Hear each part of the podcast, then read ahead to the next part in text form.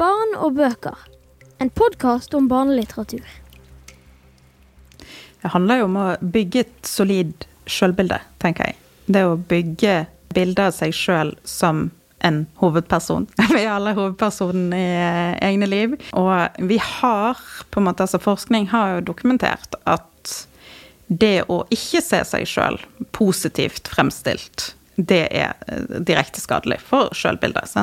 Jeg tror mange har hørt om denne dukketesten, f.eks., som ble på, gjort på 50-tallet. Jeg har ikke hørt om Nei, det.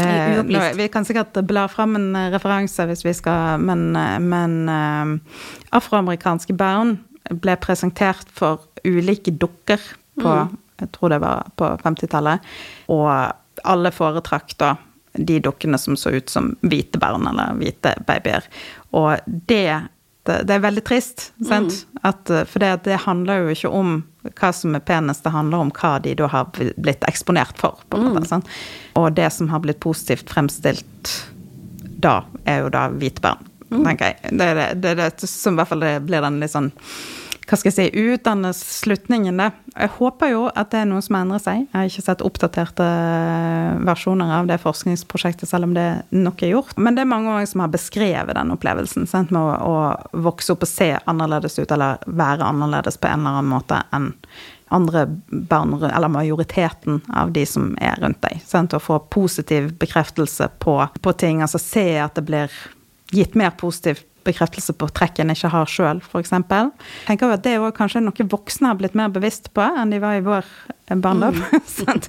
Eh, men likevel så tenker jeg ikke at vi er i mål med å få en jevn representasjon i alle typer liksom, medieuttrykk som barn blir utsatt for. På, nei, men på hva måte er de ikke i mål, eller hva er det som mangler? Hva er de største liksom, blinde flekkene, eller hva er hovedproblemet nå, da? For det har jo, som du sier, vært en åpenbart liksom, økt bevissthet. Ja, uten at jeg skal gå inn og liksom si at jeg har telt over alle utgivelsene som kommer, så er det fremdeles en overrepresentasjon av hva skal jeg si, etnisk vestlige, da, for mm. å si det mm. sånn, i de fleste, fleste medier som barn møter. Det er flere hovedkarakterer som har vestlig bakgrunn. Og da er det ikke, når vi snakker om representasjon, da, så er det jo ikke sånn at man, man nødvendigvis mener at i et samfunn der majoriteten har en hudfarge, at, at, det skal være jevn representasjon av alle etniske minoriteter. Altså at det skal være like mange som mm. eh, majoriteten nødvendigvis, men når en sammenligner med hvor stor andel av befolkningen mm. som er melaninrike, da, det er en underrepresentasjon i hvor mange karakterer og forbilder da, som de møter i ulike medier som ligner på de som er melaninrike, f.eks. Ja. Nå, du har med deg en bok som ser utrolig fin ut. Har du lyst til å bare begynne ja. å snakke litt om den, og så kan vi ta noen sånne generelle problemstillinger mm. underveis som vi finner eksempel på de i bøkene? Ja. Det er en oversatt bok som eh, vi ble veldig begeistra for når eh, den kom. Og det er jo ikke Altså, alle bør egentlig Den er skrevet av en som heter Ashok Banker. og illustrert av en som heter Sandaya Prabhat. Den er skrevet i utgangspunktet på engelsk, mener jeg. Eh, og den heter 'Jeg er brun'. Og det er helt umulig å ikke bli begeistra for de illustrasjonene her. Da. Den er veldig, veldig fin. Og det er rett og slett en bok som En slags myldrebok, på et vis, som viser masse forskjellige eh, mennesker som har mer melanin i huden enn jeg har, i hvert fall. Og som rett og slett bare forteller hva alle de fantastiske tingene disse menneskene er. Sant? Og jeg vet at når denne boken kom, så var det noen som syntes at den kunne være litt problematisk fordi at de tenkte at den kanskje på en måte, hva skal jeg si, fremhevet et problem, eller forstørret et problem, og gir barn en slags liksom, bevissthet rundt det som de ikke trenger å ha, fordi det det skal jo på en måte ikke være Altså vi mener jo, de fleste av oss i dag mener jo at en skal på en måte ikke oppleve seg sjøl som mindre viktig eller mindre, har færre muligheter fordi en har en hudfarge som ikke majoriteten har. sant? Mm. Eh, og det tenkte vel jeg da at det handler jo om hvordan vi vil at verden skal være, ikke hvordan den er. For selv om det uttalte sånn at de fleste i dag er bevisst på dette, så er det jo fremdeles sånn at folk som har mer melanin enn majoriteten i Norge, opplever at de blir diskriminert pga. det, f.eks. Mm. Uten at det nødvendigvis er det at det blir påpekt hele tiden, men at en sjøl etter hvert ser mønster i det og forstår at det er hudfarge eller kulturell bakgrunn på en måte som er årsaken. For det er ikke meningen å kritisere de som lurer på det. Så en ser denne boken og lurer på kan jeg f.eks. lese denne høyt i barnehagegruppen min. Jeg tenker jo ja, og det, det må du jo òg gjøre. For det, det er fremdeles en overrepresentasjon av hvite pedagoger for, i forhold til hvor mange hvite barn der er i barnehagen. Og da, har de jo kanskje, da er det kanskje de formidlerne som er der, som mm. kan gjøre dette, da. Eh, og det denne boken gjør, tenker jeg, da, er jo at den, den motvirker den underrepresentasjonen på et vis. Altså, for den sier ikke Den sier ikke Nå må alle skjønne at de som har melaninrik hud, er like bra som de som ikke har det. Den sier rett og slett bare 'jeg er brun', 'jeg er vakker', 'jeg er perfekt'. Jeg har tegnet denne tegningen, jeg, bygde denne bygningen, jeg designet denne datamaskinen, jeg løp dette løpet.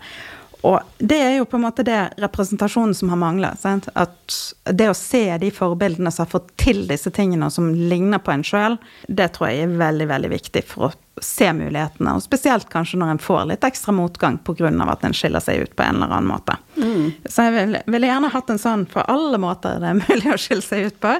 For selv om dette er noe som er i bedring, så syns jeg jo på en måte ikke at vi er kommet i mål på Og kanskje man aldri kommer i mål, for dette er jo på en måte kunst, så det, det utvikler jo seg hele, hele, tiden. Men her kan du jo si at den har ikke utvikla seg helt i takt med samfunnet. Det har tatt lengre tid enn mm. utviklingen i samfunnet, og fremdeles er vi ikke det. Og i dag når jeg skulle ned her, så sa jeg til en kollega i forbifarten at uh, der er jo ikke Fremdeles er det jo ingen bøker med en hovedkarakter som sitter i rullestol. Sa hun jo! Der er én!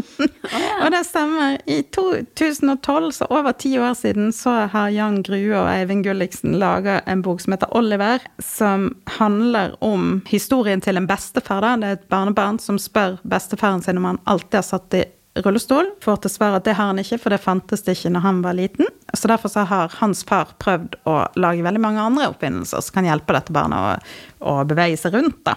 Med litt sånn sviktende suksess, kan du si.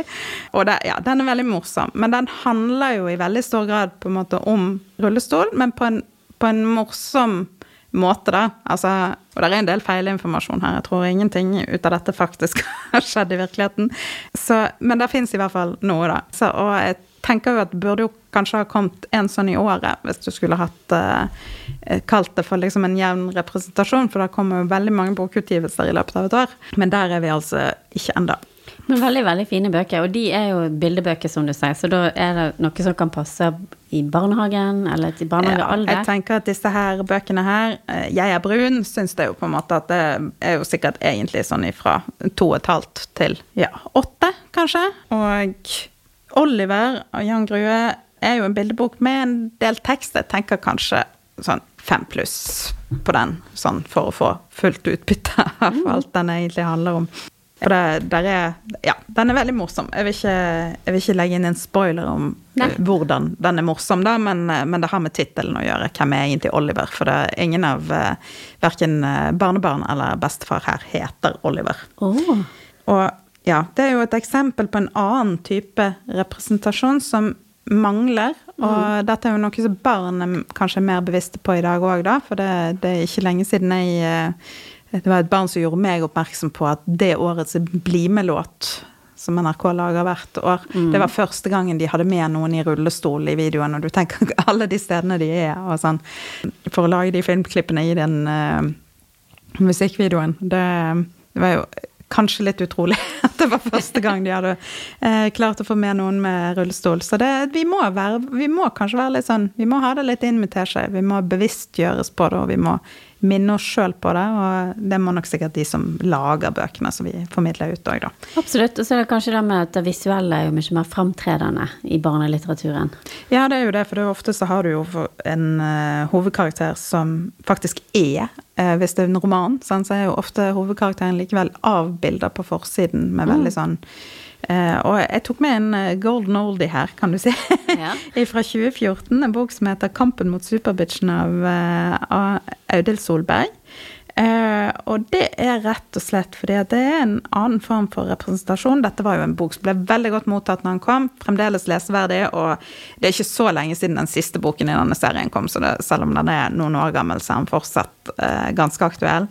Og det som jeg syns på en måte var hva skal jeg si, ikke hang meg opp i, men, men som liksom jeg satt igjen med etter å ha lest den boken, og det er jo nesten ti år siden, jeg har ikke lest den siden det, det er hovedkarakteren Anne Bea i Kampen mot superbitchene, som er, blir mobba, ble utsatt for ganske brutal psykisk terror på skolen. Og det som er med Anne Bea, er at hun har albinisme, så hun ser veldig dårlig av det. Og jeg husker at jeg og jeg har ikke gjort meg opp en mening om hva jeg tenker om det, men at selv om hun ble kalt veldig mange stygge ting, så er det noe av det verste som skjer for Anne Bea i den første boken, er å overhøre at moren sier at hun har et handikap. For det, det, er ikke noe som hun identifiserer seg med, på et vis. Men det, altså, det er ikke liksom det man kaller ableism, eller sånn likevel. Sant? For det er jo eh, likevel en faktor i Anne Bea sitt liv. Sant? Altså det at eh, at hun både ser annerledes ut, og det at hun har veldig nedsatt syn i forhold til, um, til det som er på en måte vanlig, da. For det er jo vanlig når man har albinisme at man har eh, veldig dårlig syn. Så er jo det noe som på en måte er en utfordring for hun som hun eh, må takle og gjør ganske bra, da, må man si. Og det er eh, grunnen til at jeg tok han med, rett og slett fordi at det er òg en form for representasjon. For å si det sånn, jeg tror hvis du ser på antallet bøker som er gitt ut for denne målgruppen de siste ti år på norsk, og antallet barn som er født som har albinisme, så tror jeg du vil se at det er en ganske grov underrepresentasjon likevel. Sant? Selv om vi har den ene serien med en mm. fantastisk fin uh, hovedkarakter som har albinisme. Ja, Hva er snakker vi her, da? Det er mellomtrinnet, tenker jeg. Ja. Ganske, det er en del voksne som reagerer litt på språket i denne boken her, og en del gutter som faktisk får lyst til å lese rosa bok fordi at den har den tittelen 'Kampen mot superbitchene'. Mm. Så fortsatt, selv om det er noen år siden. Og det viser jo litt av det som er utfordringen her. Sant? At når vi skal bygge en samling og prøve For nå tenker vi jo på dette òg. Det er kanskje ikke det Man har alltid tenkt på i bibliotek at man skal ha en bred samling. Men akkurat disse tingene her med representasjon av ulike mennesker med ulik bakgrunn og ulike utfordringer handikap og sånne ting, så ble det må man på en måte vurdere det litt annerledes, for det kommer ikke to sånne i år. sant? Og så har jeg òg tatt med Ja. Du må lene deg litt inn på bordet. Ja, mm, bok av Line Baugstø som heter 'Vi skulle vært løver', og så har hun òg skrevet en bok nummer to som heter bare Leona. Og den handler om ei jente som får en ny bestevenninne. Noe hun har ønska seg veldig. Og for å spoile den for de voksne, i hvert fall, da, så viser det seg at denne bestevenninnen er transperson. Så det er et rykte som på en måte Eller det er jo ikke et rykte, for det er jo sannhet, men man får vite det fra den skolen som hun har gått på tidligere, at hun var født som gutt. Og ønsker jo egentlig ikke at den nye klassen skal vite dette. Og ja, så det ble jo litt sånn mye fine diskusjoner der, da. Hvem eier egentlig den hemmeligheten? Altså skylder man omverdenen å opplyse om sånne ting?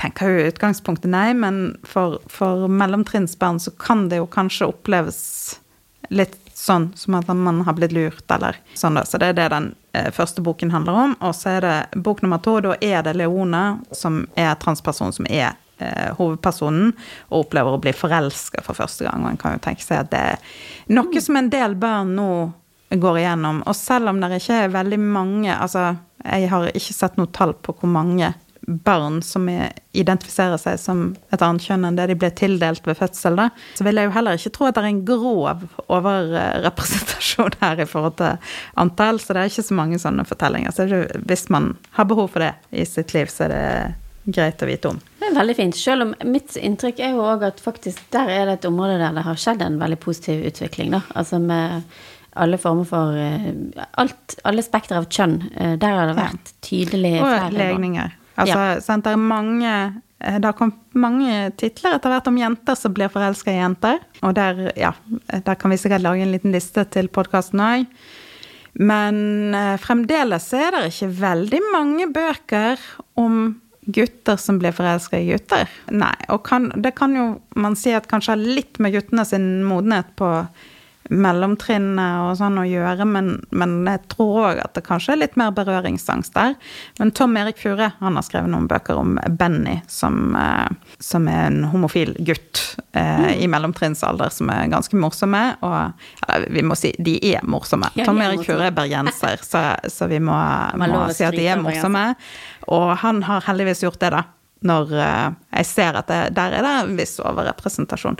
Men nå har ikke jeg vokst opp som gutt sjøl. Jeg vet ikke hvor, om man er veldig mye mindre forelska på mellomtrinnet, at det er derfor ikke er en problemstilling. Men ja. Mm.